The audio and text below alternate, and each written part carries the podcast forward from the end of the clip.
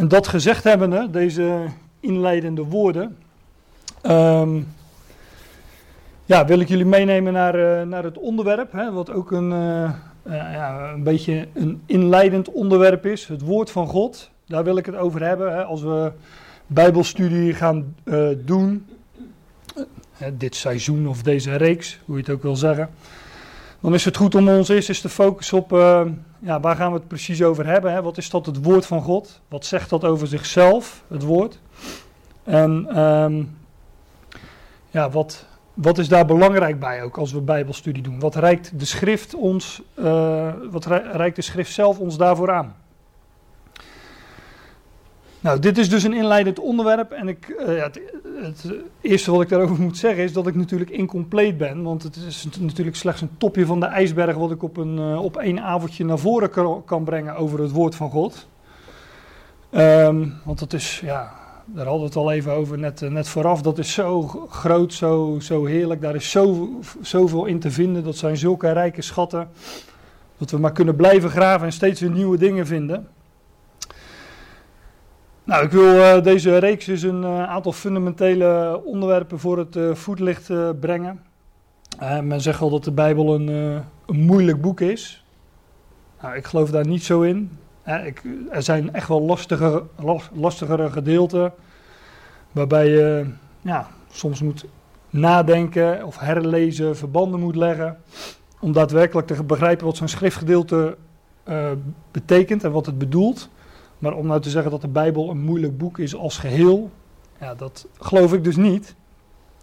Mits we maar de juiste uh, aanwijzingen gebruiken die de schrift onszelf aanreikt. Heel de schrift is voor ons, maar niet heel de schrift is aan ons rechtstreeks geschreven. Ik zeg altijd uh, uh, tegen mensen die, ja, die daarop op reageren, die, die daar tegenin gaan. Ik zeg van joh, als je je hand je ergert, hak je je hand niet af, blijkbaar. Hè? En als je je oog je ergert, prik je je oog niet uit. Dus blijkbaar heb jij ook niet het idee dat heel die schrift rechtstreeks aan jou gericht is. Maar, maar, maar waarom dan uh, het ene wel en het andere niet? Nou, ik denk dat we daar eens uh, goed naar moeten gaan kijken in deze reeks. Zal niet specifiek deze avond uh, aan de orde komen. Um, ja, ik gebruik daarvoor uh, PowerPoint en ik gebruik een, uh, een, ISA. Het softwareprogrammaatje ISA betekent Interlinear Scripture Analyzer. Ik zal het straks uh, meteen laten zien. Um, als we straks naar Hebreeën 4 vers 12 gaan, als eerste schriftplaats, hè, het woord van God, levend en krachtig, is de titel van het thema van deze avond. Daar komen we die, die term tegen. En um, ik projecteer niet alle teksten op de beamer, omdat ik zelf graag mijn, uh, mijn Bijbel vol me heb. Want dan zie ik ook meteen um, ja, in welk verband het ongeveer staat. En dat, uh, dat helpt vaak toch wel weer. Um, ja, de software die ik uh, gebruik, die kunt u overigens gratis downloaden op deze website. Scriptureforall.org komt er dan achter. Um, ja, er zijn een aantal versies uh, te downloaden, ook een, uh, een, versie in PDF. Maar um, dat programmaatje laat de, de grondtekst zien, hè, het Hebreeuws voor het Oude Testament, globaal gezegd, want het is niet helemaal, uh, dekt niet helemaal de lading. En het Grieks voor het, voor het Nieuwe Testament.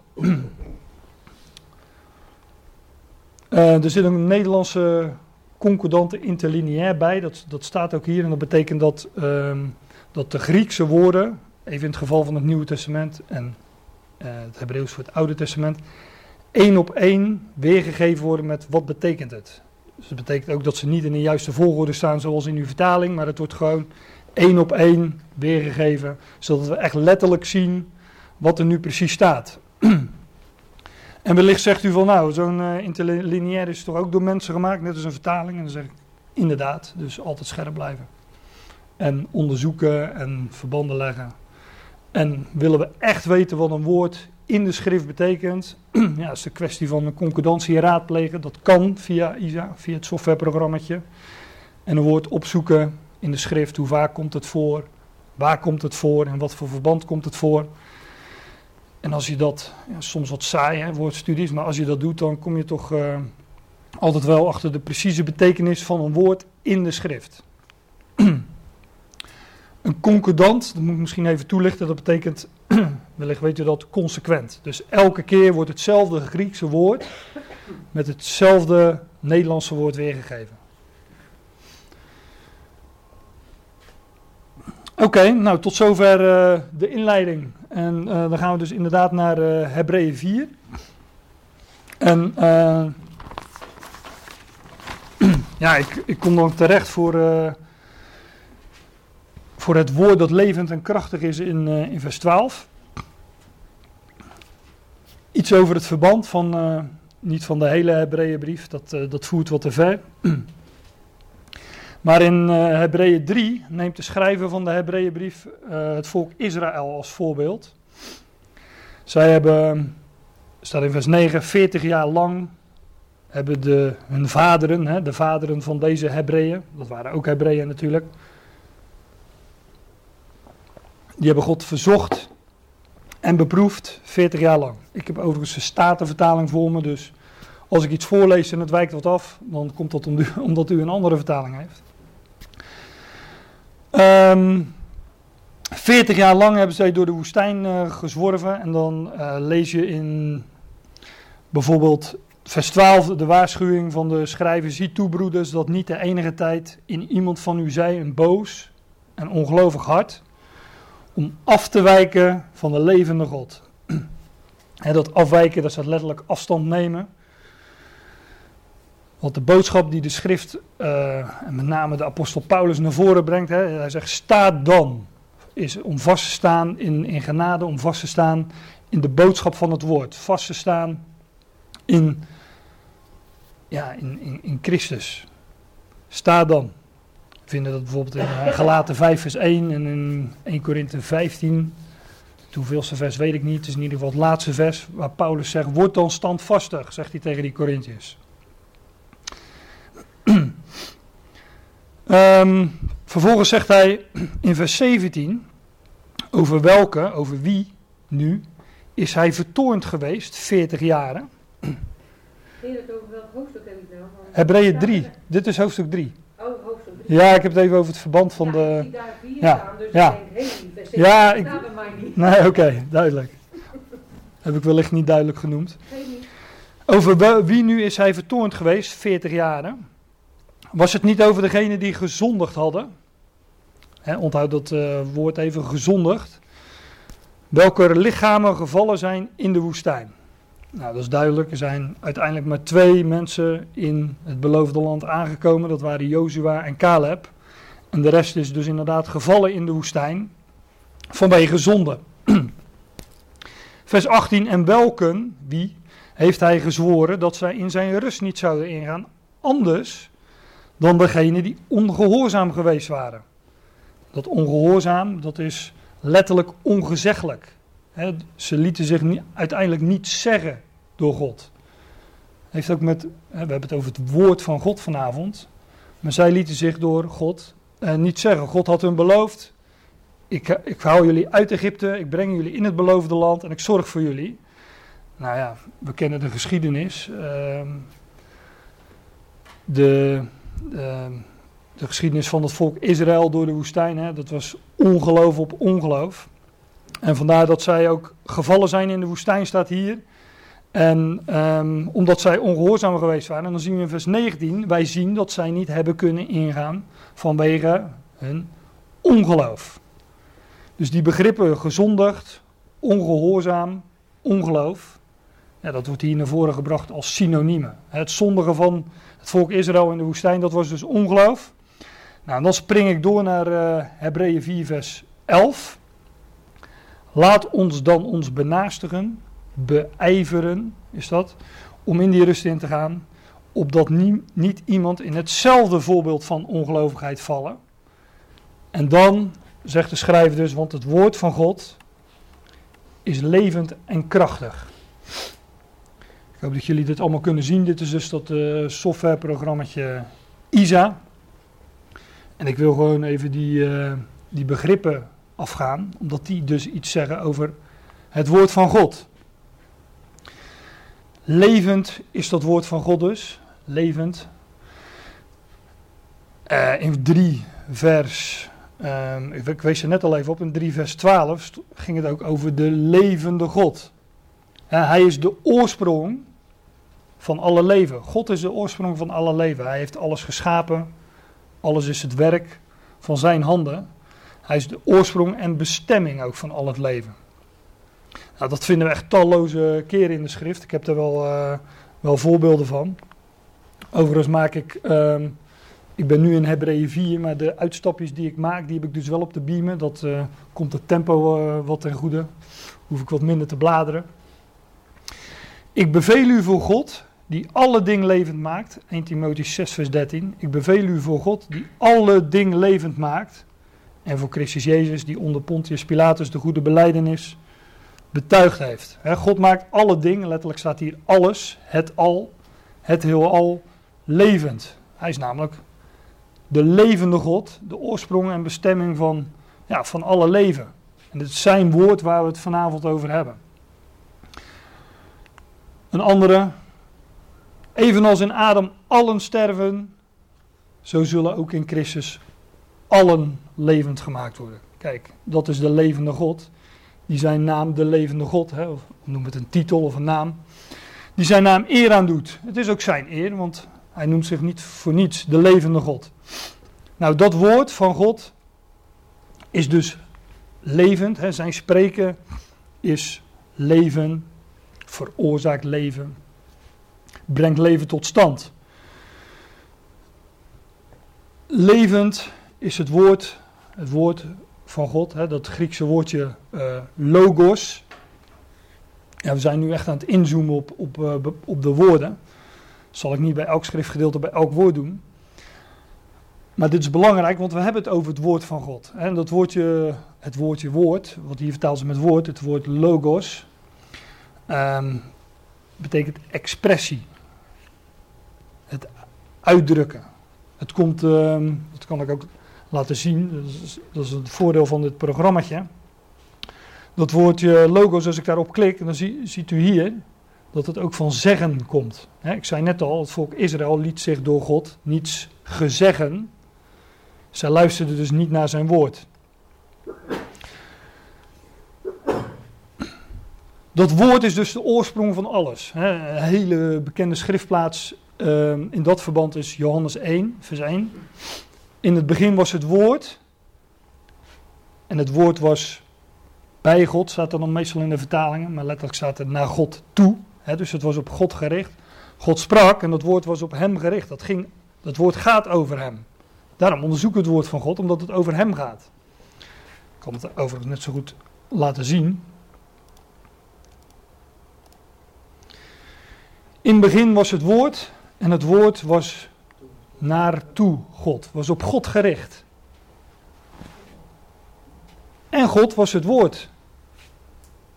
Um, kijk, wij zijn mensen van vlees en bloed die elkaar kunnen zien, maar God is de onzienlijke.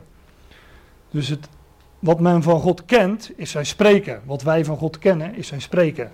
En natuurlijk, vers 14 van, van Johannes 1, volgens mij is het vers 14, zegt: En het woord is vlees geworden. Maar dat was later pas, dat was in het begin nog niet, want in het begin was het woord. En het woord was op God gericht, laat ik het zo zeggen, en God was het woord. Nou, dat woord spreekt dus van hem en daardoor, eh, daarom, ja, daarom onderzoeken wij het ook. Hè, daar is ook leven in en wij hebben zijn leven ontvangen als gelovigen. Wij zijn opgewekt in, uh, in nieuw leven. Door dat woord zijn ook uh, ook Johannes 1. Alle dingen zijn door hetzelfde gemaakt, zegt Johannes. wat ik net ook liet zien. In uh, 1 Timotheüs 6. Nou, dat is wel mooi als je die dingen zo uitpluist in Hebreeën 4 vers 12. Levend is het woord van de God. Staat honderden keren, dat zien we nooit in onze vertalingen, maar honderden keren staat er in... Uh, in ieder geval in het Grieks van het Nieuwe Testament, de God. Hè? Dat uh, duidt op exclusiviteit. Er is maar één God. En die God is Theou, staat hier, Theos, kennen we wel, dat is ook een naam, hè, Theo. Thea, de vrouwelijke versie. Maar dat woordje betekent letterlijk plaatser. God is de plaatser, hij plaatst de dingen. En dat, uh, uh, dat Griekse woord Theou, dat kennen wij ook nog wel in, uh, in woorden in het Nederlands. These, een antithese is een tegenstelling. Een synthese is een samenstelling. En God stelt de dingen. Hij bepaalt de dingen, hij stelt de dingen. Hij is de beschikker, dat zeggen we ook al. Hij schikt alles. Dat betekent dat hij de plaatser is. God plaatst alles. Ja, en zo wil ik dus ook uh, zijn woord benaderen, want ook dat is geplaatst. Um, elke, elke zin, nou laat ik wat groter beginnen, elk Bijbelboek, elke, elk hoofdstuk, elke zin, maar zelfs elk woord. En als we nog eens wat verder gaan inzoomen, dan heeft elke letter betekenis. En zeker in het Hebreeuws is dat het geval, want uh, het Hebreeuws noemen we wel de taal van God, maar die, ja, dat heeft echt vele kanten. En als we dan op, uh, op, op letterniveau naar de schrift gaan kijken, ja, dan vertelt dat ons al, uh, al een heel verhaal over wie God is. Maar dat doen we deze avond niet, wellicht een, uh, een andere keer.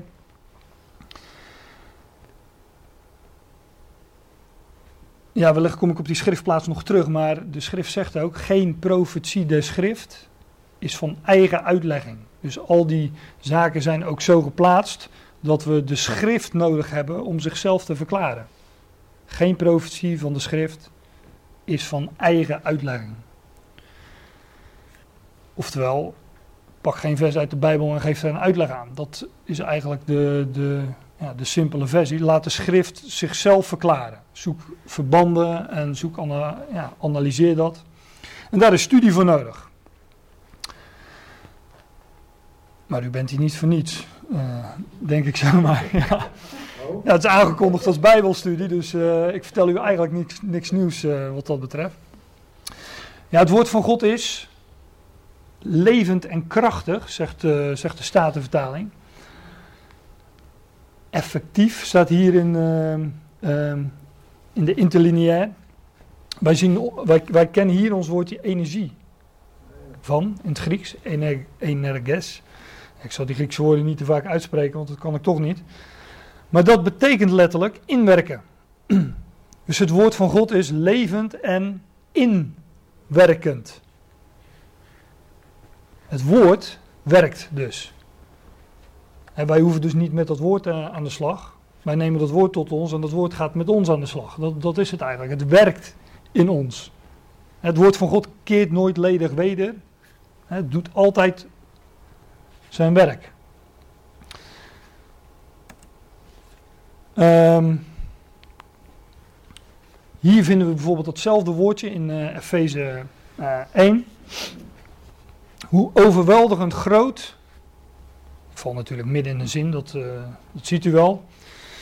Hoe overweldigend groot zijn kracht is. Dat staat in de vertaling aan, maar dat staat letterlijk in ons die geloven naar de werking, en ook hier dat woordje inwerking, ener, van wat, waar ons woord energie van af is geleid. Zijn kracht in ons, die werkt in naar de sterkte van zijn macht. Over dit woordje kracht is ook nogal uh, ook mooi, die, die, die Griekse woorden. Het Grieks kunt, hier, wordt gezegd, uh, gesproken over kracht, hier van werking, hier van sterkte, hier van macht. Dit woordje kracht is in het Grieks dynamisch. Ons woord dynamiet is daar weer van afgeleid. Dat is wel uh, boom, power. dat, dat is Gods woord. Hoe overweldigend groot zijn kracht, zo krachtig als dynamiet, is in ons die geloven, naar de inwerking van de sterkte van zijn macht, van zijn vermogen. Let op wat er staat, die die hij heeft gevrocht. Dat is de MBG-vertaling uit 1951, maar toch een heel oud Nederlands woord. Betekent gewoon ook gewerkt. Die is, dit hetzelfde woordje uh, inwerken, die hij heeft ingewerkt in Christus door hem uit de doden op te wekken en hem te zetten aan zijn rechterhand in de hemelse gewesten. Nou, zijn hele mond vol. Maar let goed op wat hier staat. Die lange zin, nu zou, je zou bijna kwijtraken wat er nou precies staat. God werkt met een kracht in ons, in ons gelovigen. Naar de inwerking van de sterkte van zijn macht, van zijn vermogen. En dat is dezelfde kracht die hij heeft ingewerkt in Christus door hem uit de doden op te wekken. Dat is de kracht die in een gelovige werkt, zegt de schrift. Nou, daar kan je nooit uh, te licht over denken, lijkt me.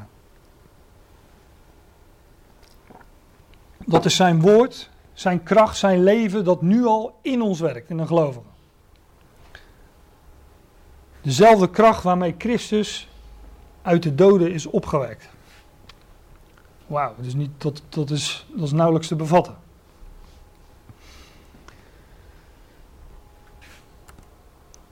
En dat woord van God is inwerkend effectief. Ja, inderdaad, als het inwerkt, doet het zijn werk in ons en dan, dan is het effectief.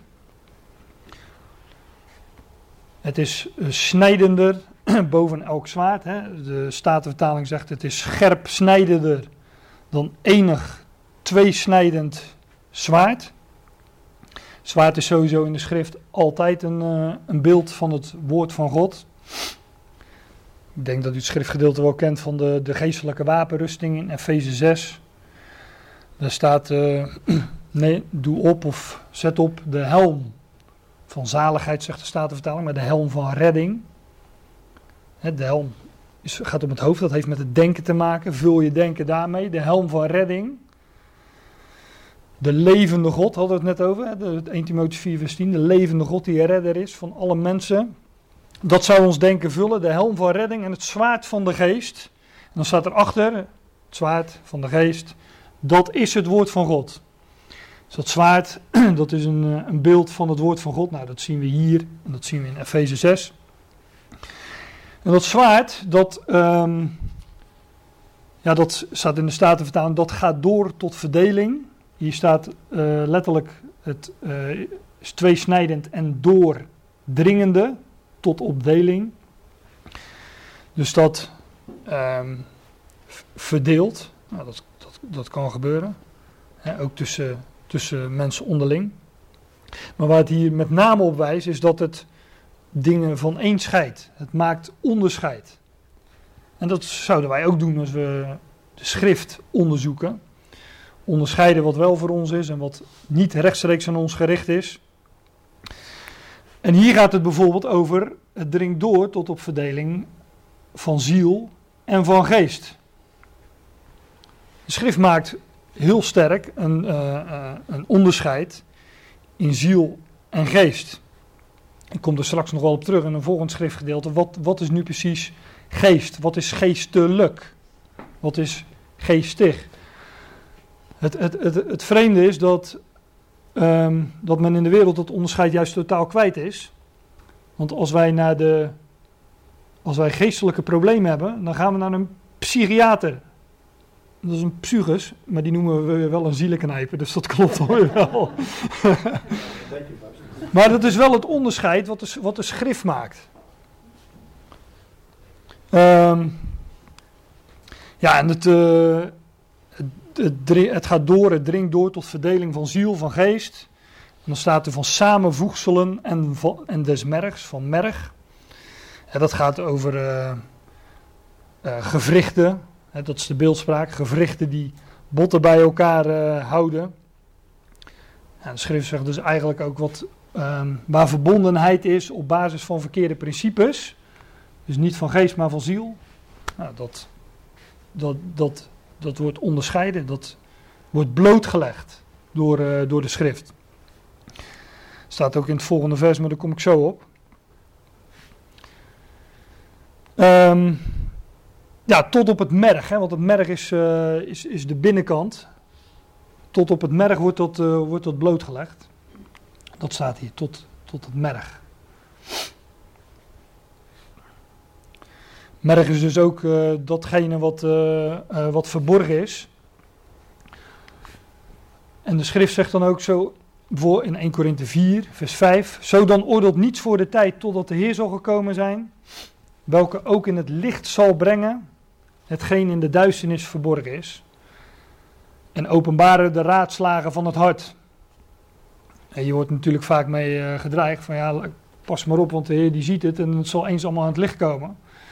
Maar deze schriftplaats zegt juist, de, de, die geeft de positieve kant daarvan. Oordeelt niet voor de tijd totdat, totdat de Heer zal komen, staat er gewoon, totdat de Heer zal komen, welke ook in het licht zal brengen. Hetgeen in de duisternis verborgen is. En openbaren de raadslagen, de motieven van het hart. Waarom doen wij de dingen die we doen? Dan staat er, als dan zal een ieder lof hebben van God. staat niet, als dan zal een ieder straf krijgen van God. Maar als dan zal een ieder lof hebben van God. deze brief is gericht aan, uh, Korinthebrief is gericht aan gelovigen. En er is geen veroordeling voor degenen die in Christus Jezus zijn. Dus God gaat alles aan het licht brengen. En onze motieven, de raadslagen van het hart, dat wat nu in de duisternis verborgen is. Sowieso leven wij in een tijd, in een periode die de verborgenheid heet.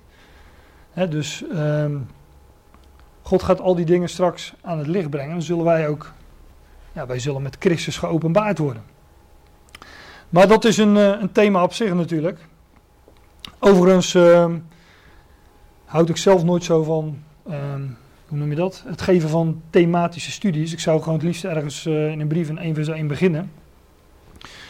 Omdat, omdat, kijk, nu pluk ik er natuurlijk ook een tekst uit. En het is wel aan u om, uh, om dat eens goed na te kijken in het verband. Van ja, wat, wat staat er nou precies? Dus u bent gewaarschuwd. Ik zeg altijd, uh, als iemand een, een bijbelstudie geeft of een artikel schrijft of een, of een boek schrijft ja, dan wil iemand een bepaald idee overbrengen. En dan moet je alert zijn. En de dingen ook nazoeken en onderzoeken of ze zo zijn.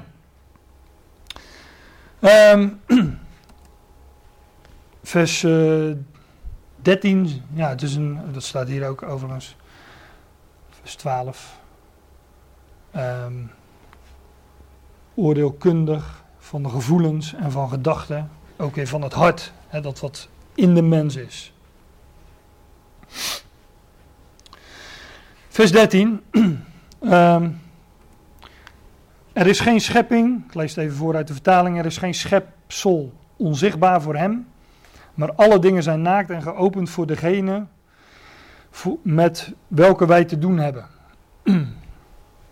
ja, het is een wat lastige zin. In de, in de MBG's vertaling staat zoiets um, dat... Um, er is geen schepsel onzichtbaar voor hem, maar alle dingen zijn naakt en ontbloot. Zat hier in de grondtekst voor de ogen. En dit is wat lastig. De, de MBG-vertaling heeft hier voor wie wij rekenschap hebben af te leggen. en dat, dat is ook wel zo. maar letterlijk staat hier, kijk hier staat hologos, het woord. En dat is precies hetzelfde als we hier al zagen in vers 12. Staat ook het woord levend, het woord van God. Ja, dan krijg je wel een lastige zin. He, niets is. Uh, er is geen schepsel onzichtbaar voor hem, maar alle dingen zijn naakt en ontbloot voor de ogen van hem. En dan zou ik zeggen voor wie, of voor wie wij hebben het woord.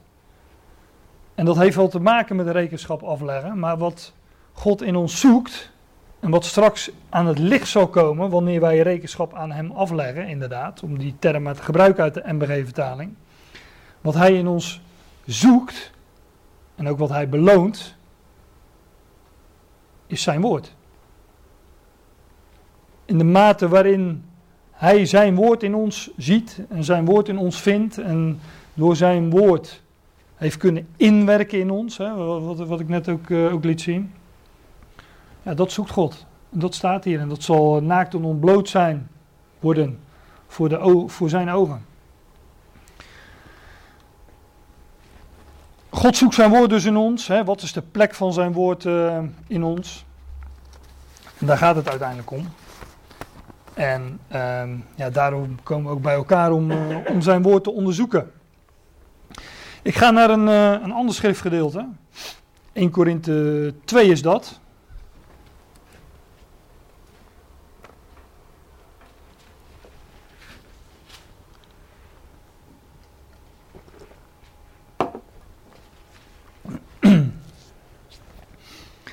Ja, daar wil, daar wil ik ook nog wel iets over het verband zeggen. Die eerste twee hoofdstukken van de Korinthebrief, ik vind het uh, fenomenale hoofdstukken. Het gaat over de wijsheid van God tegenover de wijsheid van deze wereld. Nou, eigenlijk moet ik dan zeggen de wijsheid van deze wereld tussen aanhalingstekens. Maar als je het gedeelte leest en het nog eens herleest. ehm, ik ben altijd nog eens van plan om het gewoon eens uit te printen. En dan met een arceerstift te kijken hoe vaak er wijs staat, hoe vaak er dwaas staat, hoe vaak er wijsheid genoemd wordt. Hoe vaak er dwaasheid genoemd wordt. En dan met kleurtjes om met aanhalingstekens aan te gaan geven wanneer het cynisch bedoeld is en wanneer niet. Want er staat dat God de wijsheid van deze wereld dwaas heeft gemaakt. En dat God de dwaasheid van de prediking, dwaasheid van de prediking, de dwaasheid van het kruis van Christus, ja, dat is Gods wijsheid. Die begrippen worden dan nogal door elkaar, eh, door elkaar gebruikt. En het, is echt, zijn schitterende hoofdstukken en waard om herle- gelezen te worden, herlezen en, en bestu- bestudeerd. Nou, ik, eh, ja, ik val er toch, eh, toch gewoon middenin, want ik kan moeilijk het hele eerste en tweede hoofdstuk bes- bespreken. Maar Paulus zegt, ehm, ehm, hij, hij zegt tegen die Corinthiërs, die waren nogal gericht op eh, menselijke wijsheid. Hij zegt in vers 4, onder andere, hij zegt in vers 3 dat hij bij hem was in zwakheid en in vrees en in veel beving, van, van hoofdstuk 2 vers 3. En dat zijn reden, ook hier dat woordje logos, zijn woord, en zijn prediking was niet in bewegelijke, meeslepende woorden van menselijke wijsheid, maar in betoning van geest en van kracht. En hij zegt dan ook van, eh, nou ja, we spreken in vers 6, we spreken wijsheid onder de volmaakten, onder de volwassenen, maar door een wijsheid niet van deze wereld, nog van de overste van deze wereld, van de Aion. Maar zegt hij dan in vers 7, wij spreken de wijsheid van God in verborgenheid. S- NBG-vertaling zal je wel in geheim of geheimenis hebben. Maar dat betekent dus dat wij ook Gods wijsheid moeten zoeken. Want het is verborgen. Het is geheim. Het is niet voor iedereen bedoeld. Ehm, de oppervlakkige lezer van de Bijbel. De Bijbel is ook geen leesboek. De Bijbel zegt nergens lees de Bijbel. Ik, ik, vind, ik doe het ook hoor. Ik lees ook na de, na de maaltijd met de kinderen een stukje uit de kinderbijbel is het dan. Maar ik, ja, het, is een kwestie van als we echt willen weten wat er staat, dan zoeken we verborgenheden, zoeken we geheimen. En dat betekent, ja, die, die woordkeuze van, die de schrift zelf aanreikt, betekent al dat we daarnaar moeten zoeken. Nou, ik, ik haak dan aan in vers, eh, eh, vers 10, want daar gaat het dan ook over. Doch, maar, het, het gaat over, de, over die wijsheid van God. God heeft het ons geopenbaard. God openbaart het ons door zijn geest. Want de geest onderzoekt alle dingen, ook de diepten Gods. Wat is nu geestelijk? Of geestig? Wat is geestelijk? Vaak als men het over geestelijk heeft, hè, of spiritueel, dan, dan kom je al gauw een beetje in het zweverige en dan is het uh, ontastbaar. Maar de schrift zegt juist, God heeft het ons geopenbaard, de wijsheid van God door zijn geest, want de geest onderzoekt alle dingen. Het is dus blijkbaar geestelijk als je alle dingen onderzoekt. Ook de diepten Gods, de diepten van God. En dat duidt ook al aan dat het verborgen, ik had het net over verborgen en geheim, dat het dus onder de oppervlakte ligt. Je moet een spaatje dieper steken, zeg maar. Diepten van God. Heeft met, um, ook met analyse te maken. Analyse is ook de dingen ontleden. Uit elkaar halen, uit elkaar trekken en uh, uh, ze apart bekijken. Want het woord van God is, tweesnijdend, is een tweesnijdend zwaard. En dat ja, doordringt en uh, onderscheidt de dingen. En deze staat in Handelingen 17, vers 11. Dat zijn de Bereërs. Staat in het voorgaande vers. Deze onderscheiden zich gunstig van die te Thessalonica. En de Thessalonicense brieven, ik weet niet of je die kent, die zijn erg positief. Maar deze, de Bereërs, onderscheiden zich gunstig van die te Thessalonica. Daar zij het woord, logos, met alle bereidwilligheid aannamen en dagelijks de schriften nagingen of deze dingen al zo waren. Ze hoorden nou, de boodschap van, eh, eh, van de apostel en ze gingen die dingen na in de schriften. En ze namen het dan ook met alle bereidwilligheid aan.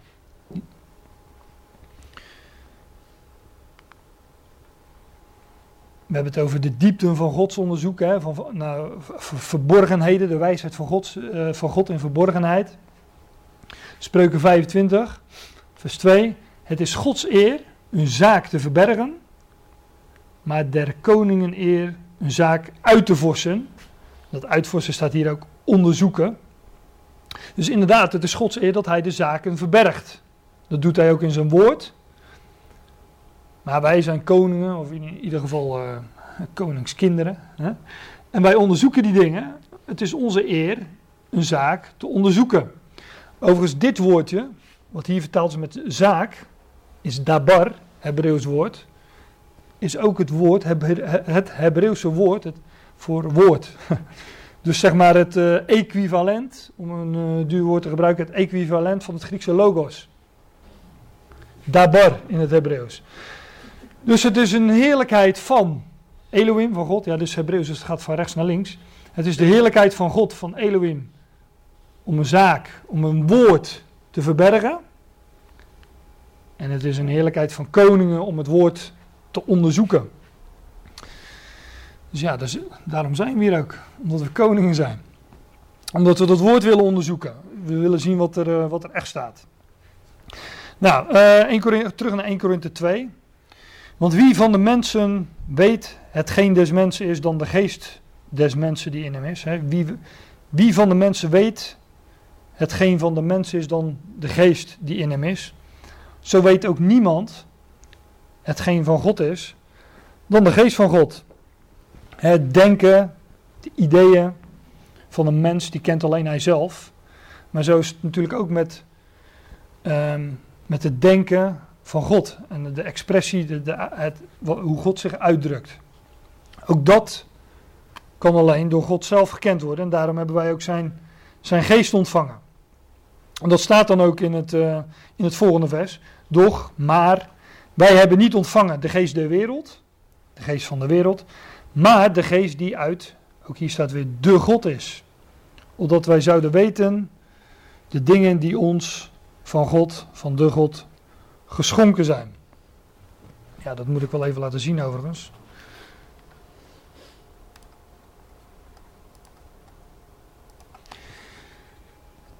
...1 Korinthe 2 vers 12 is dat.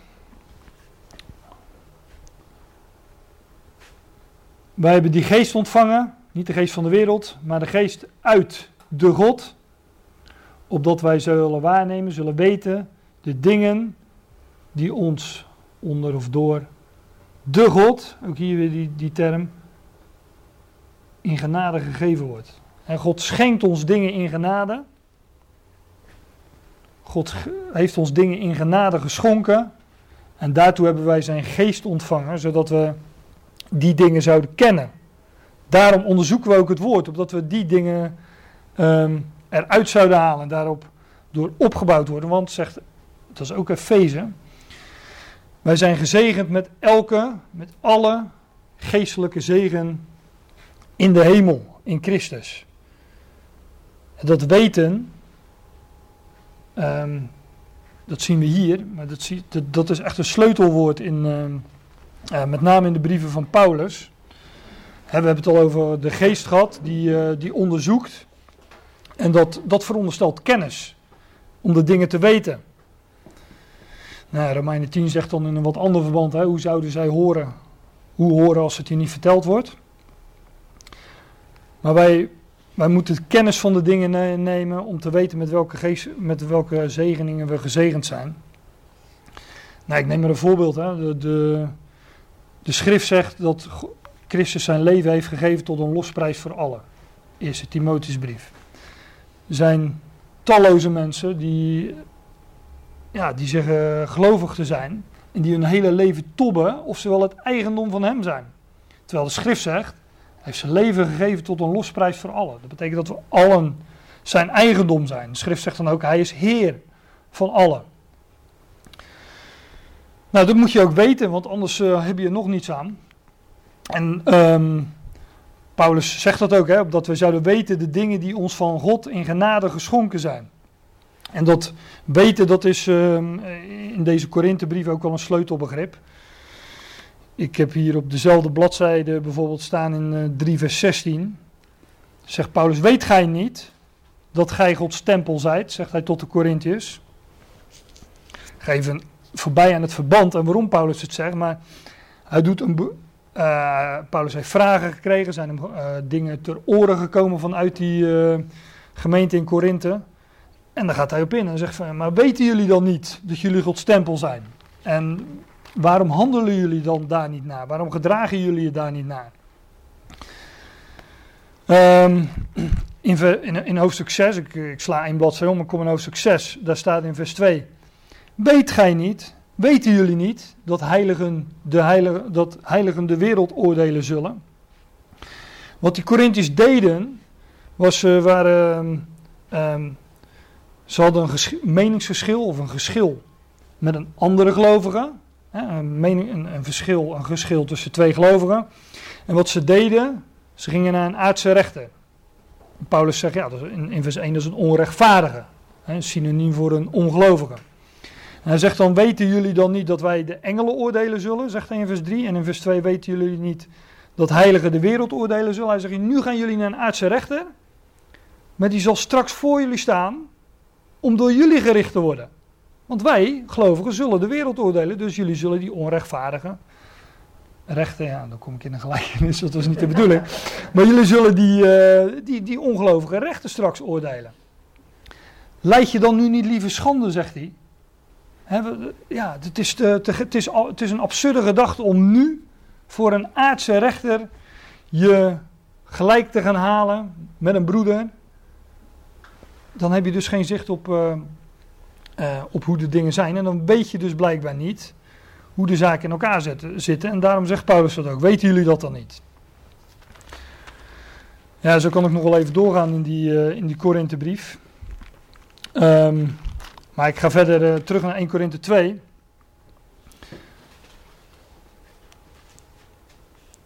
Um, ja, wij zouden weten de dingen die ons van God in genade geschonken zijn.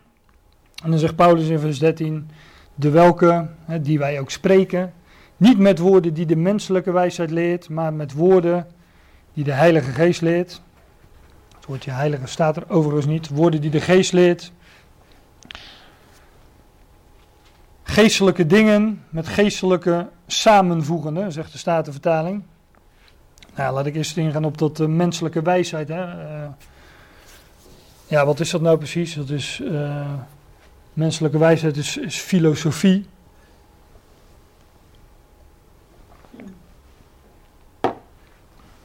redeneringen, maar ook um, godsdienstige wijsheid, noemt Paulus in het eerste hoofdstuk ook menselijke wijsheid. In 1 vers 19 zegt hij, um, want er is geschreven, ik zal de wijsheid van de wijze doen vergaan en het verstand van de verstandigen zal ik er niet maken. Paulus haalt daar een schriftplaats aan, ik ga er niet naartoe, want het is in Jezaja. Maar zoekt u dat, uh, zoekt u dat uh, thuis of, of, of, of, later eens op. Daar gaat het echt over godsdienstige wijsheid. En, en de schrift zegt, Paulus haalt die, die profetie aan en zegt, ik zal de wijsheid, dat God gezegd heeft, ik zal de wijsheid der wijze doen vergaan. Dus ook die godsdienstige wijsheid uh, wordt hier genoemd de wijsheid van, van deze wereld. Die wij spreken niet met woorden die de menselijke wijsheid leert, maar met woorden die de geest leert. Geestelijke dingen staat er dan. Eigenlijk, ja, staat, letterlijk staat er aan het geestelijke met het geestelijke um, vergelijkende. Samen oordelen is dat woordje uit, uh, uit opgebouwd. Samen en oordelen. Dus je verschillende zaken, dat zei ik net al, hè, de, de schrift legt zichzelf uit, geen profetie. De schrift is van eigen uitlegging. We zouden het geestelijke ook met het geestelijke uh, beoordelen. Maar dat wil dan ook zeggen dat wij daar uh, gezonde woorden voor zouden gebruiken. Woorden naar de schrift. Dat zijn namelijk geestelijke woorden. Waartoe ik gesteld ben, zegt Paulus in 2 Timotheus 1 vers 11, waartoe ik gesteld ben, een prediker, letterlijk staat er zoiets als een heraut, en een apostel. En een leraar der heidenen. Nou, wij zijn heidenen, hè? wij zijn niet uit de Joden, dus dit is al een aanwijzing waar wij terecht moeten om woorden te vinden die rechtstreeks tot ons gericht zijn. Maar dat noem ik even tussen de regels door, daar komen we later wellicht uh, vast nog wel op terug. Waartoe ik gesteld ben, prediker en apostel, een leraar der heidenen. En dan zegt hij, uh, ik sla al één vers over. Houd het voorbeeld van de gezonde woorden. Letterlijk staat er, heb een patroon van gezonde woorden die jij, Timotheus, van mij gehoord hebt, in geloof en liefde, die in Christus Jezus is. Ik vond het zo'n mooie term, gezonde woorden, dat ik er maar een, uh, een website van heb gemaakt.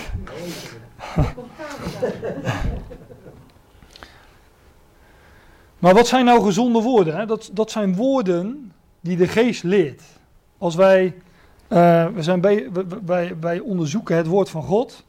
En als wij dingen uit moeten leggen uit het woord van God.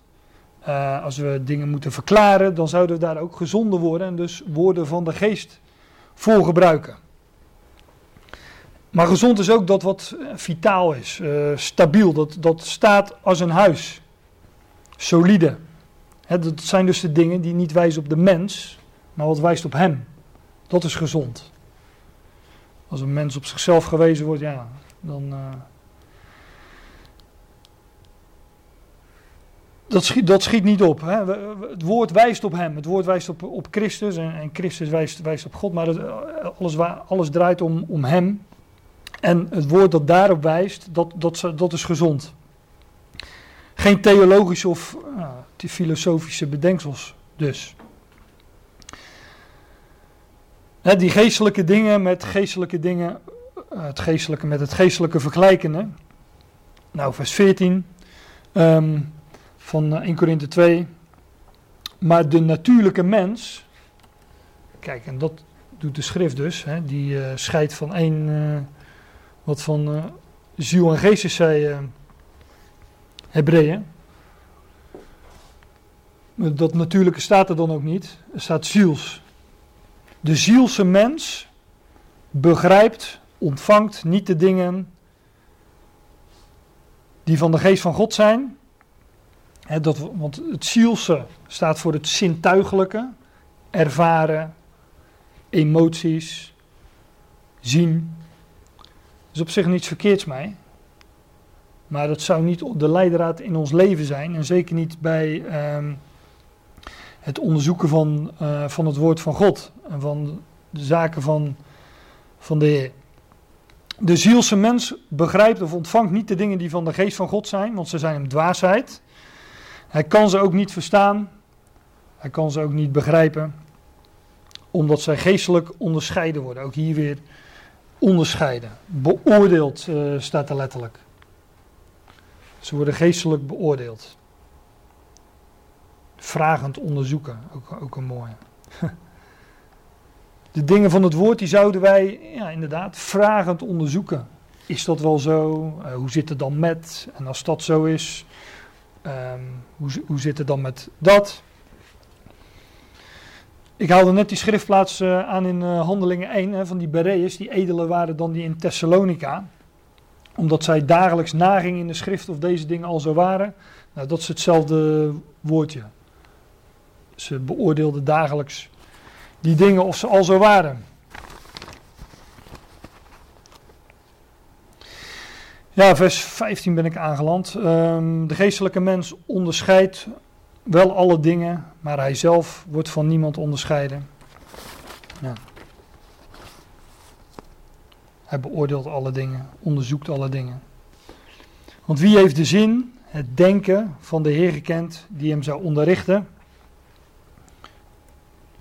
Wie kent het denken van de Heer dat die hem zou onderrichten? Wij hebben het denken van Christus. En wij kunnen God niet narekenen, maar we kunnen wel zijn woord onderzoeken dat Hij ons gegeven heeft.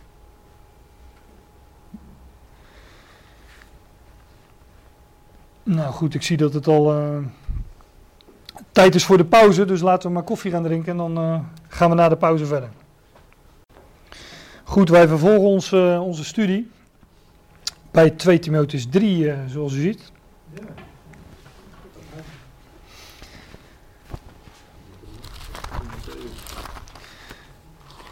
Tweede Timotheusbrief, hoofdstuk 3. Ja, dat is het zo. Maar ik ben nog van het. Ja, maar ook iets, eh, iets te zeggen over het verband. Ehm, in, eh, in, 3, in 3 vers 1 haak ik dan even aan. Daar eh, waarschuwt Paulus zijn, eh, zijn kind in het geloof, zoals hij hem elders noemt. Timotheus, zijn eh, trouwe metgezel. Hij zegt, weet dit dat in de laatste dagen ontstaan zullen zware tijden. Want de mensen zullen zijn liefhebbers van zichzelf. Nou, dan noemt hij nog wat zaken die niet zo vrij zijn. Ehm, in vers 5, hebbende een gedaante van godzaligheid, Gods vrucht. Als je dat, wo- als je dat woord ontleedt, staat daar letterlijk goede verering. Dus ze hebben daar een gedaante van, een schijn van, van die godsvrucht, maar ze verloochenen de kracht ervan. Dat betekent dus dat Paulus Timotheus waarschuwt dat er, eh, ja, dat er eh, mensen zouden komen die inderdaad het, eh, eh, de schijn hadden van godsvrucht. Maar ze verloochenen de kracht ervan. En dan zegt hij in vers eh, 10. Maar jij, maar gij, maar jij hebt achtervolgd mijn leer, hè, onderwijzing, wijze van doen, voornemen, geloof, langmoedigheid. Maar ook de nadruk dus op, eh, op de leer. Ik ga gelijk even naar die verse toe. Oh. Onderwijzing, dat is eh, ons woordje didactiek. Maar ook dat woordje, als je dat ontleedt, onderwijzen. Dus ergens onderwijzen. Heeft ook weer met diepten te maken. Wat, wat we net ook al tegenkwamen in 1 Korinthe 2. Ehm, in tegenstelling tot eh, die mensen die, eh, waarvoor Paulus waarschuwt, zegt hij dan ook in vers 14, maar blijft gij, blijf jij, en dan ook weer in hetgeen je geleerd hebt.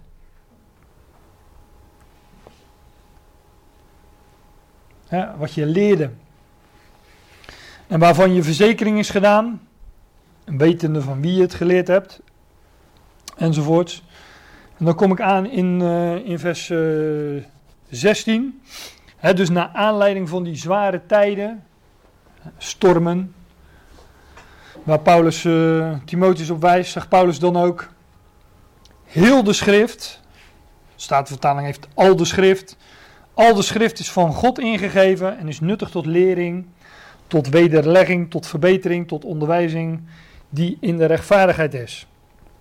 Nou, hier zien we dat ook. Heel de schrift, elk, elk geschrift, elk, elk geschrift, alle schrift, heel de schrift. Dat betekent ook overigens, maar misschien moeten we daar ook, eh, ook eens over hebben, dat, ehm, ehm, dat, dat Paulus wijst Timotheus op heel de schrift. En dus blijkbaar ehm, had hij ook al heel de schrift in zijn bezit. En ik zeg dat niet zomaar, ik zeg dat ook niet op basis van alleen dit vers. Want er zijn echt wel aanwijzingen, nou ik noem het geen aanwijzing, ik noem keiharde bewijzen, dat die apostelen zelf de schriften bij elkaar gebracht hebben. Ik weet niet of u zich eh, dat wel eens eh, gerealiseerd hebt of ehm, daarover nagedacht hebt of wel eens iets over gehoord hebt, maar ehm, de, de gangbare versie van eh, hoe wij aan onze kanon komen van de Bijbel, dus eh, waarom deze eh, 66, hè, ze- eigenlijk 70 boeken, Psalmen zijn vijf boeken, hoe zijn we tot deze, tot, tot deze kanon gekomen, zoals dat met een mooi woord heet? Nou, als je dat opzoekt op internet, dan kom je al gauw met over een, eh, over een concilie in, eh, ergens in Nicea in en de derde of de vierde eeuw na Christus. Maar ik geloof dus op basis van de schrift dat de apostelen zelf, Petrus en Paulus met name, met wat hulp van, eh, van anderen, die geschriften dus echt zelf bij elkaar hebben gebracht en zelf hebben gebundeld. En daarom kan Paulus hier tegen Timotheus ook zeggen, heel de schrift is van God ingegeven.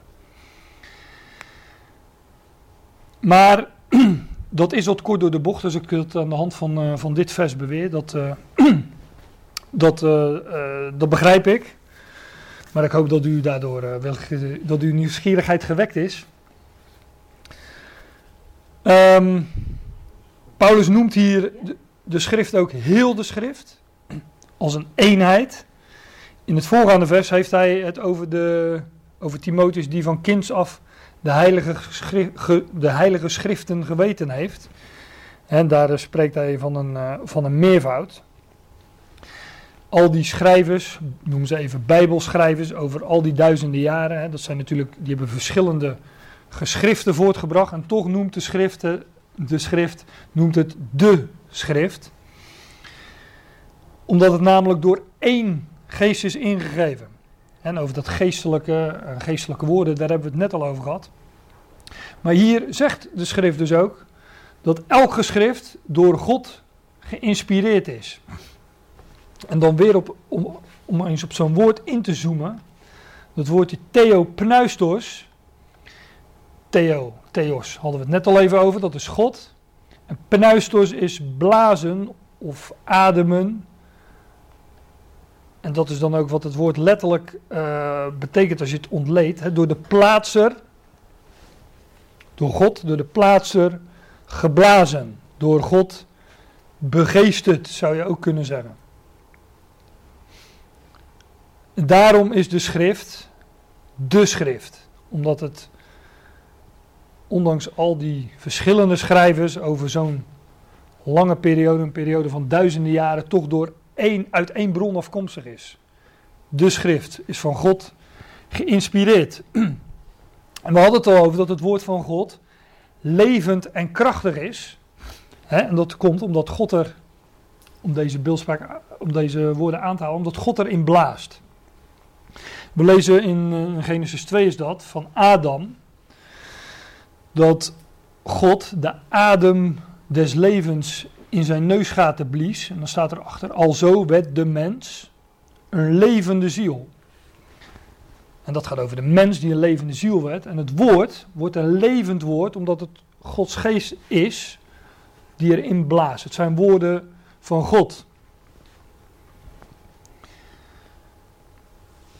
Heel de schrift is van God eh, ingegeven en is nuttig.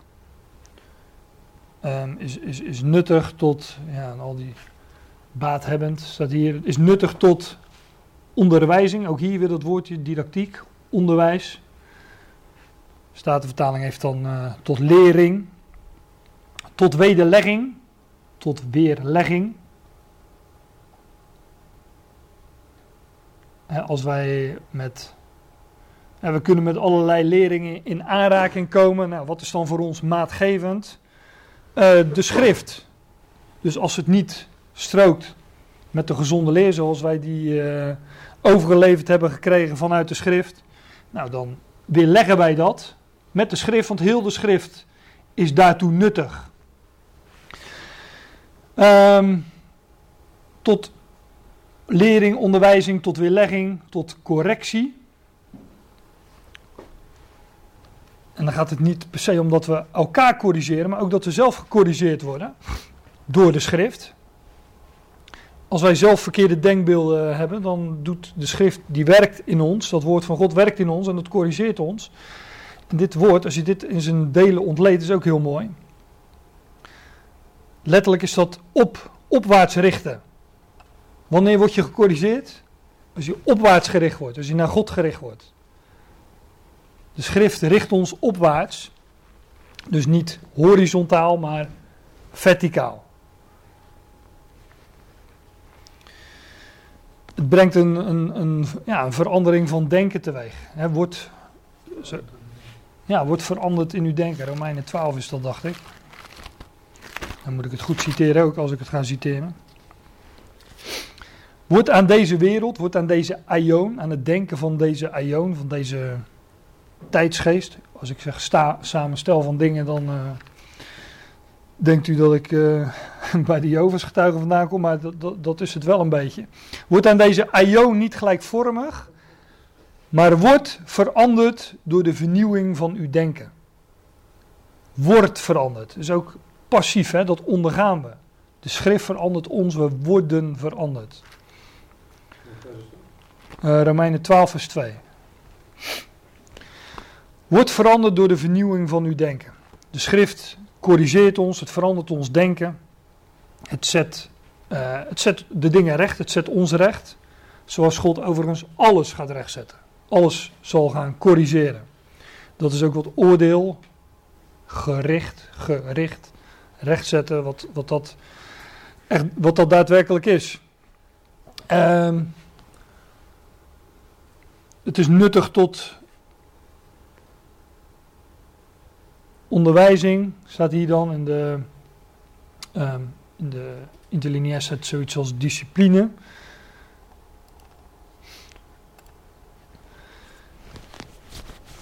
En dat heeft met opvoeden, met, met, met pedagogiek uh, te maken. Het woord voedt ons op, het woord uh, ja, leert ons hoe de dingen zijn. Dat is ook wat opvoeden is. Als ik mijn kinderen opvoed, dan houd ik ze voor hoe de dingen zijn. Wij denken bij opvoeden toch vaak aan, aan wet. Je moet ze gewoon af en toe ook vertellen wat ze wel en niet kunnen doen. Maar hoofdzakelijk is opvoeden een voorbeeld geven en leren hoe de dingen zijn. En zo voedt God ons ook op. Dat doet hij overigens, um, met dat is Titus, in genade. Dus het is zijn genade die ons opvoedt. Daar staat in Titus 2, vers 11. De reddende genade van God is verschenen aan alle mensen en onderwijst ons. Het staat ook weer hetzelfde woordje, pedag, dat heeft met pedagogiek te maken. Het voedt ons op. Dus die genade van God, die voedt ons op. Die leert ons hoe de dingen zijn, hoe God ons ziet, hoe God deze wereld ziet. Nou, daartoe is heel de schrift uh, nuttig. Hè, tot, uh, tot onderwijzing, tot weerlegging, tot correctie.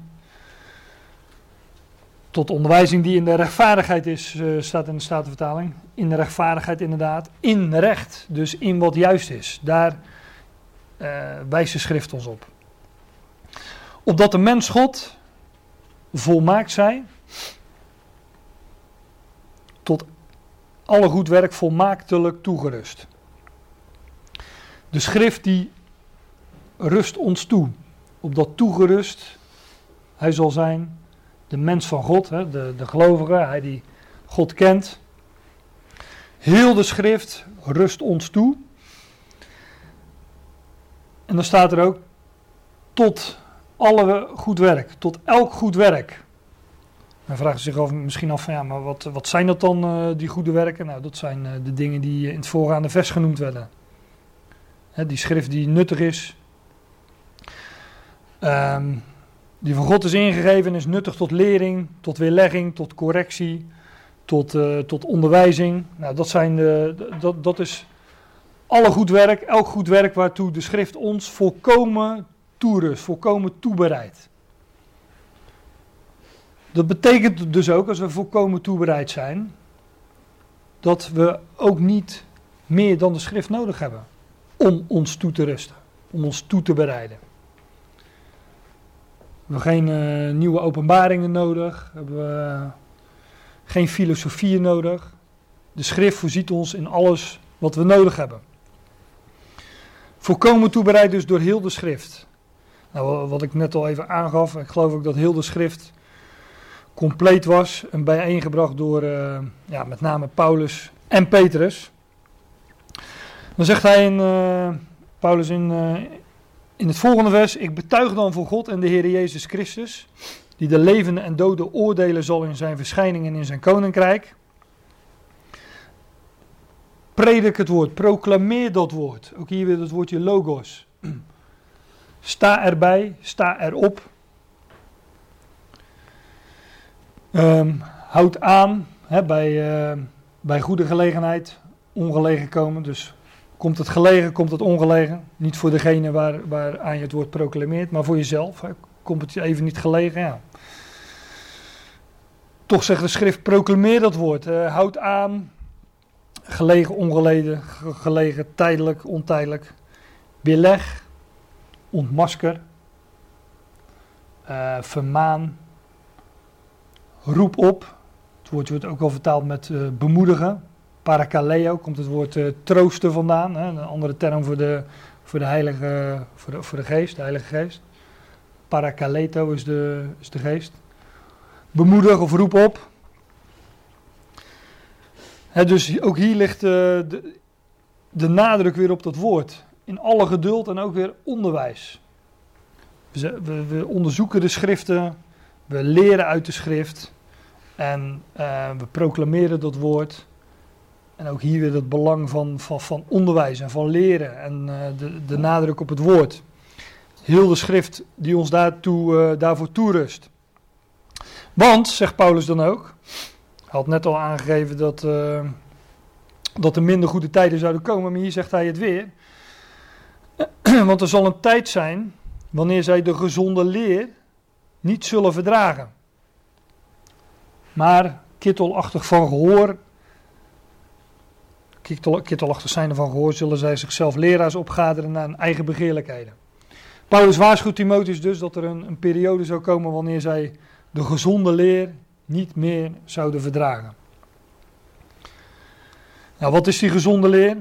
Um, daarover valt natuurlijk heel veel te zeggen, maar Paulus geeft in 1 Timotheus 4, vers uh, 10, 1 Timotheus 4, vers 9 zegt hij: Dit is een getrouw, een betrouwbaar woord.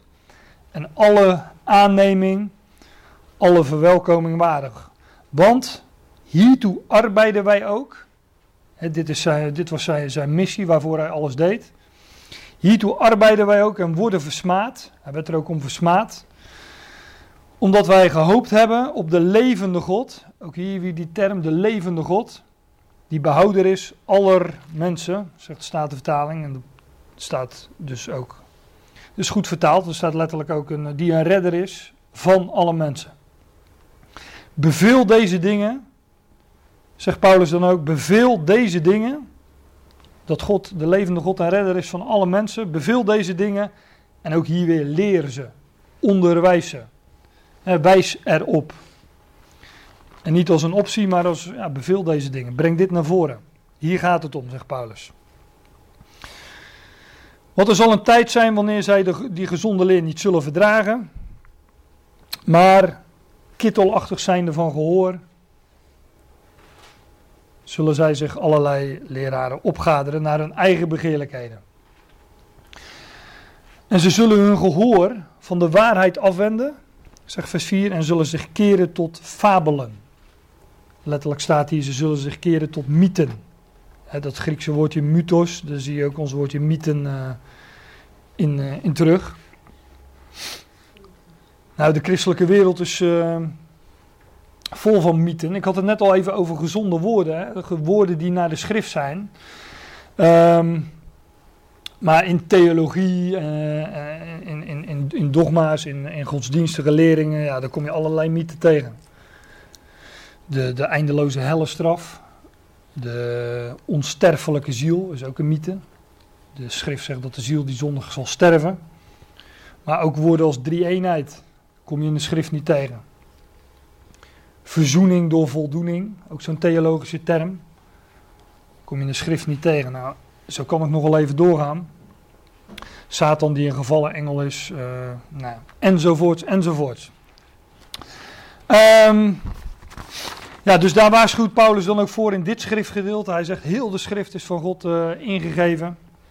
En hij benadrukt aan Timotheus van, joh, uh, het gaat om die gezonde leer, predik dat woord. En leg daar de nadruk op, onderwijs het.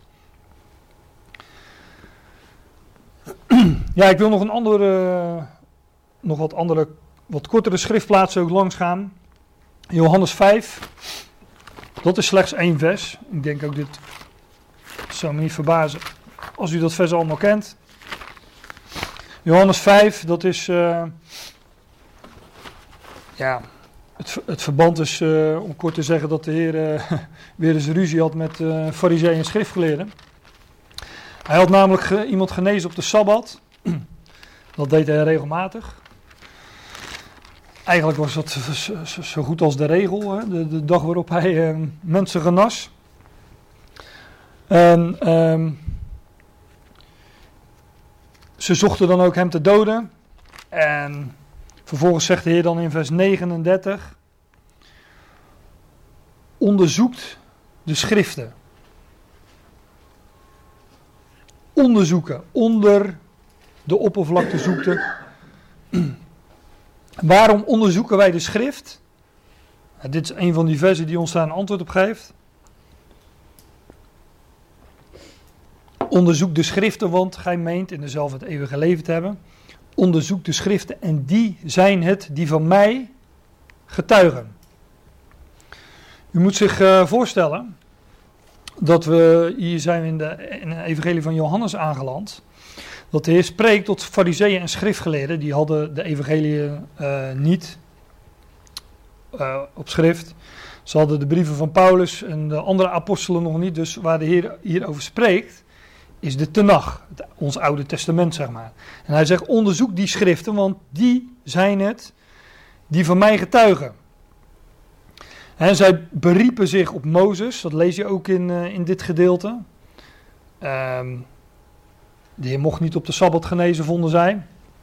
En toen de Heer iemand genezen had in dit hoofdstuk, de lammen te Bethesda, had de Heer gezegd, neem je bed op, je lichtmat en, eh, en ga wandelen. Die man had 38 jaar daar gelegen. En die fariseeën en schriftgeleerden komen, komen naar hem toe en die zeggen, je mag dat, eh, dat matje niet dragen, want het is Sabbat. Nou, de Heer is een Heer van de Sabbat, zegt hij, zegt hij dan ook. En ehm, hij wijst ze erop wat die, wat die schriften werkelijk onderwijzen.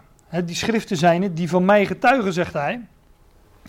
En in vers 45 zegt hij dan: Meent niet dat ik u verklagen zal, dat ik u beschuldigen zal. Bij de Vader die u verklaagt, die u beschuldigt, is Mozes op wie jullie gehoopt hebben. Want indien, als gij Mozes geloofde, zo, zou, zou gij, zo zouden jullie ook mij geloven, want hij heeft van mij geschreven. Maar, zo gij zijn schriften niet gelooft, hoe zult gij dan mijn woorden geloven? De Heer zegt dus, hier, onderzoek de schriften, want die zijn er die van mij getuigen. Mozes heeft al van mij geschreven. Dat betekent dus dat de hele schrift, hè, ehm, ja, Mozes, ehm, dit zullen de vijf boeken van, van Mozes in eerste instantie geweest zijn, maar die spreken van Christus. Dat zijn profetische schriften die vooruitwijzen naar hem. En daarom onderzoeken wij die schriften. En daarom onderzoeken wij ook, ook het Oude Testament. En daar vinden we dus inderdaad hem in. Die schriften, die wijzen dus op Christus. Oude Testament is profetie. En Christus is dus verborgen in heel de schrift. Zoals ik dat, dat vers wat ik uit spreuken aanhaalde voor de pauze. Het is Gods eer een zaak te verbergen. Inderdaad, Christus is ook verborgen in de schriften. Nog een andere schriftplaats, uh, een paar bladzijden terug in, Luc, nou ja, paar, in Lucas 24, waar iets soortgelijks wordt gezegd. Daar zijn het, um, nou, Lucas 24, het begin van het hoofdstuk spreekt over de opstanding van, uh, van, van, van de Heer. Er waren vrouwen naar het graf gegaan, die vonden het graf leeg. En vervolgens uh, in vers 12, 13 zijn er twee uh, mannen. Die gaan van Jeruzalem naar Emmaus. Daarom heten ze dan ook de Emmausgangers. En ze hadden het met elkaar over, uh, over wat er gebeurd was. En zij spraken samen en toen dan voegde de Heer zich bij hen. In, uh, in vers 15 lees je dat. En dan staat er volgens hun ogen werden gehouden dat zij hem niet kenden. En, um, en hij zegt dan van, joh, wat, uh, wat is er dan allemaal gebeurd? Ik vat het even samen. En zij zeggen, nou, de dingen, in vers 19 is dat de dingen aangaande Jezus, de Nazarener, welke een profeet was. En dan in het volgende vers eh, dat de overpriesters hem hebben gedood en hem gekruisigd hebben. En dan zeggen ze in vers 21, wij hoopten, wij verwachten, wij hoopten dat hij was degene die Israël verlossen zou. Maar ook benevens dit alles is het heden, is het nu al de derde dag dat deze dingen geschied zijn. Nou, dan gaan ze zelfs nog zeggen in het volgende vers dat sommige vrouwen hen ontsteld hadden, want ze waren vroeg in de morgen bij het graf geweest en het graf was leeg. Ze hadden zijn lichaam niet gevonden. Nou, en dan zegt de Heer dus onverstandigen, dat is vers 25. O onverstandige en trage van hart, om te geloven al hetgeen de profeten gesproken hadden. Zij geloofden dus niet alles wat de profeten gesproken hadden. Ze hoopten, zeggen ze, dat hij Israël verlossen zou. Dat geloofden ze dus. Maar ze wisten al niet dat, uh, dat er iets op die derde dag zou geschieden. Want ze zeggen, het is al heden de derde dag dat deze dingen geschied zijn. En dat verwijt de Heer dan ook, want hij verwijt de Heer hen dan ook. Want de Heer zegt in vers 26, moest de Christus niet deze dingen leiden? En alzo in zijn heerlijkheid ingaan? En hij verwijt hen dat ze dat niet wisten. Hij noemt hem onverstandig en traag van hart. Ongeloof dus.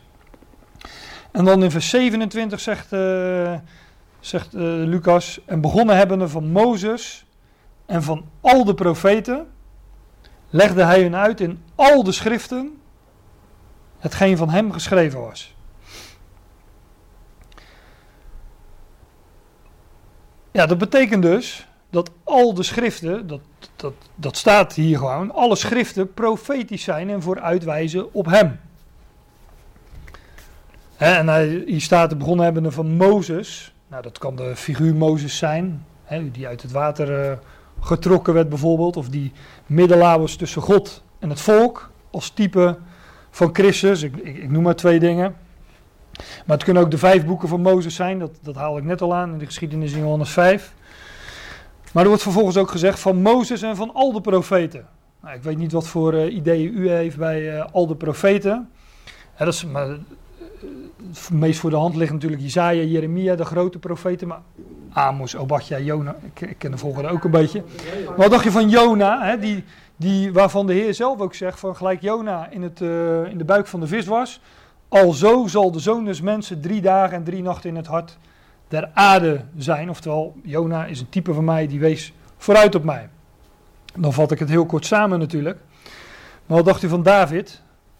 Die door Petrus op de Pinkse dag in zijn toespraak daar een profeet wordt genoemd. Petrus citeert een paar psalmen. Over, zij, hij zegt, jullie hebben hem gekruisigd, jullie hebben Christus gekruisigd. Uh, en David, en dan, noemt, dan citeert hij een paar psalmen en dan zegt hij, Um, alzo David dan een profeet was, heeft hij dit voorziende, dus vooruitgezien, en getuigd van Christus. Gesproken van Christus. Hij heeft als profeet David gesproken van Christus. En dat vinden we natuurlijk in de psalmen. Nou, dan weten we meteen dat de psalmen profetisch zijn. Maar ook in David als persoon, die natuurlijk een type is van Christus, die dan ook weer de zoon van David wordt genoemd. Nou, heel de schrift getuigt dus van hem, en dat staat hier ook. Hè, hij legde hun uit in al de schriften hetgeen van hem geschreven was. Ja, en dan een schitterend vers, dat, ik spring even door naar vers 32. als hun ogen worden geopend, in vers 31 staat er in vers 32, dat ze tegen elkaar zeggen, was ons hart niet brandende in, brandende in ons, als hij tot ons sprak op de weg en als hij onze schriften opende. Inderdaad, dus wij gaan zien dat al die schriften van hem spreken. En dat we overal onder de oppervlakte ja, hem vinden. Onder al die uh, typen, hè, om het dan even zo te noemen. Onder al die oud-testamentische figuren. Daar vinden we Christus en het, en het werk van God. Ja, als je dat mag ontdekken, dan, uh, dan gaat je hart inderdaad branden. En dat hebben zij ook, hebben zij ook gehad. Ze hebben natuurlijk bijbelstudie van de, van de meester zelf uh, gekregen. Met allemaal hoofdletters. En dat, moet, ja, dat is natuurlijk een geweldige ervaring, uh, een geweldige ervaring geweest. Om af te sluiten wil ik me naar een laatste schriftgedeelte eh, ehm, met jullie gaan. Lucas 10.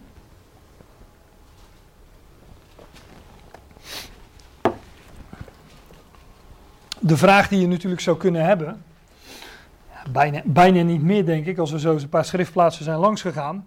Maar is bijbelstudie, hè, om dat woord dan te gebruiken, het onderzoeken van de schriften, is dat nou is dat nu een noodzaak?